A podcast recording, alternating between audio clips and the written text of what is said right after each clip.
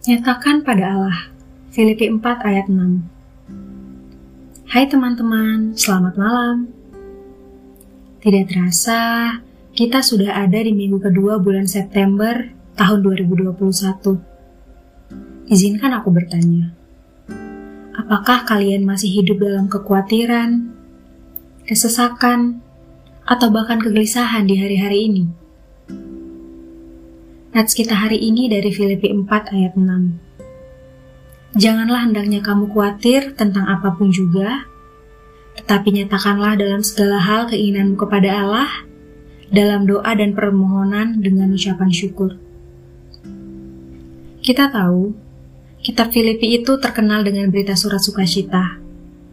Sekalipun kita tahu Paulus berada di dalam penjara, namun Rasul Paulus tetap bersukacita.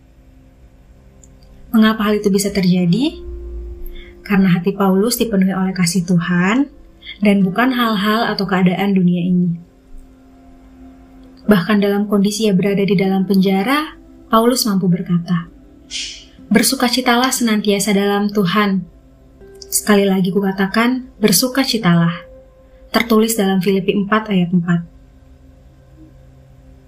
Malam ini kita belajar dari Paulus Kehidupan suka duka ini akan silih berganti, teman-teman.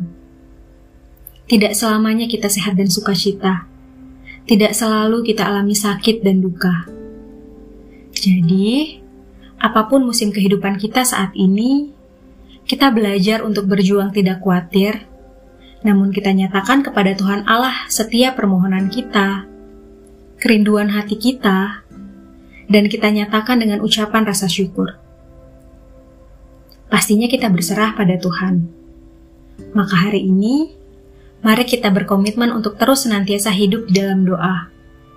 Karena sering kali ketika kita khawatir, itu karena kita kurang berdoa. Selamat malam teman-teman, selamat beristirahat. Tuhan Yesus memberkati.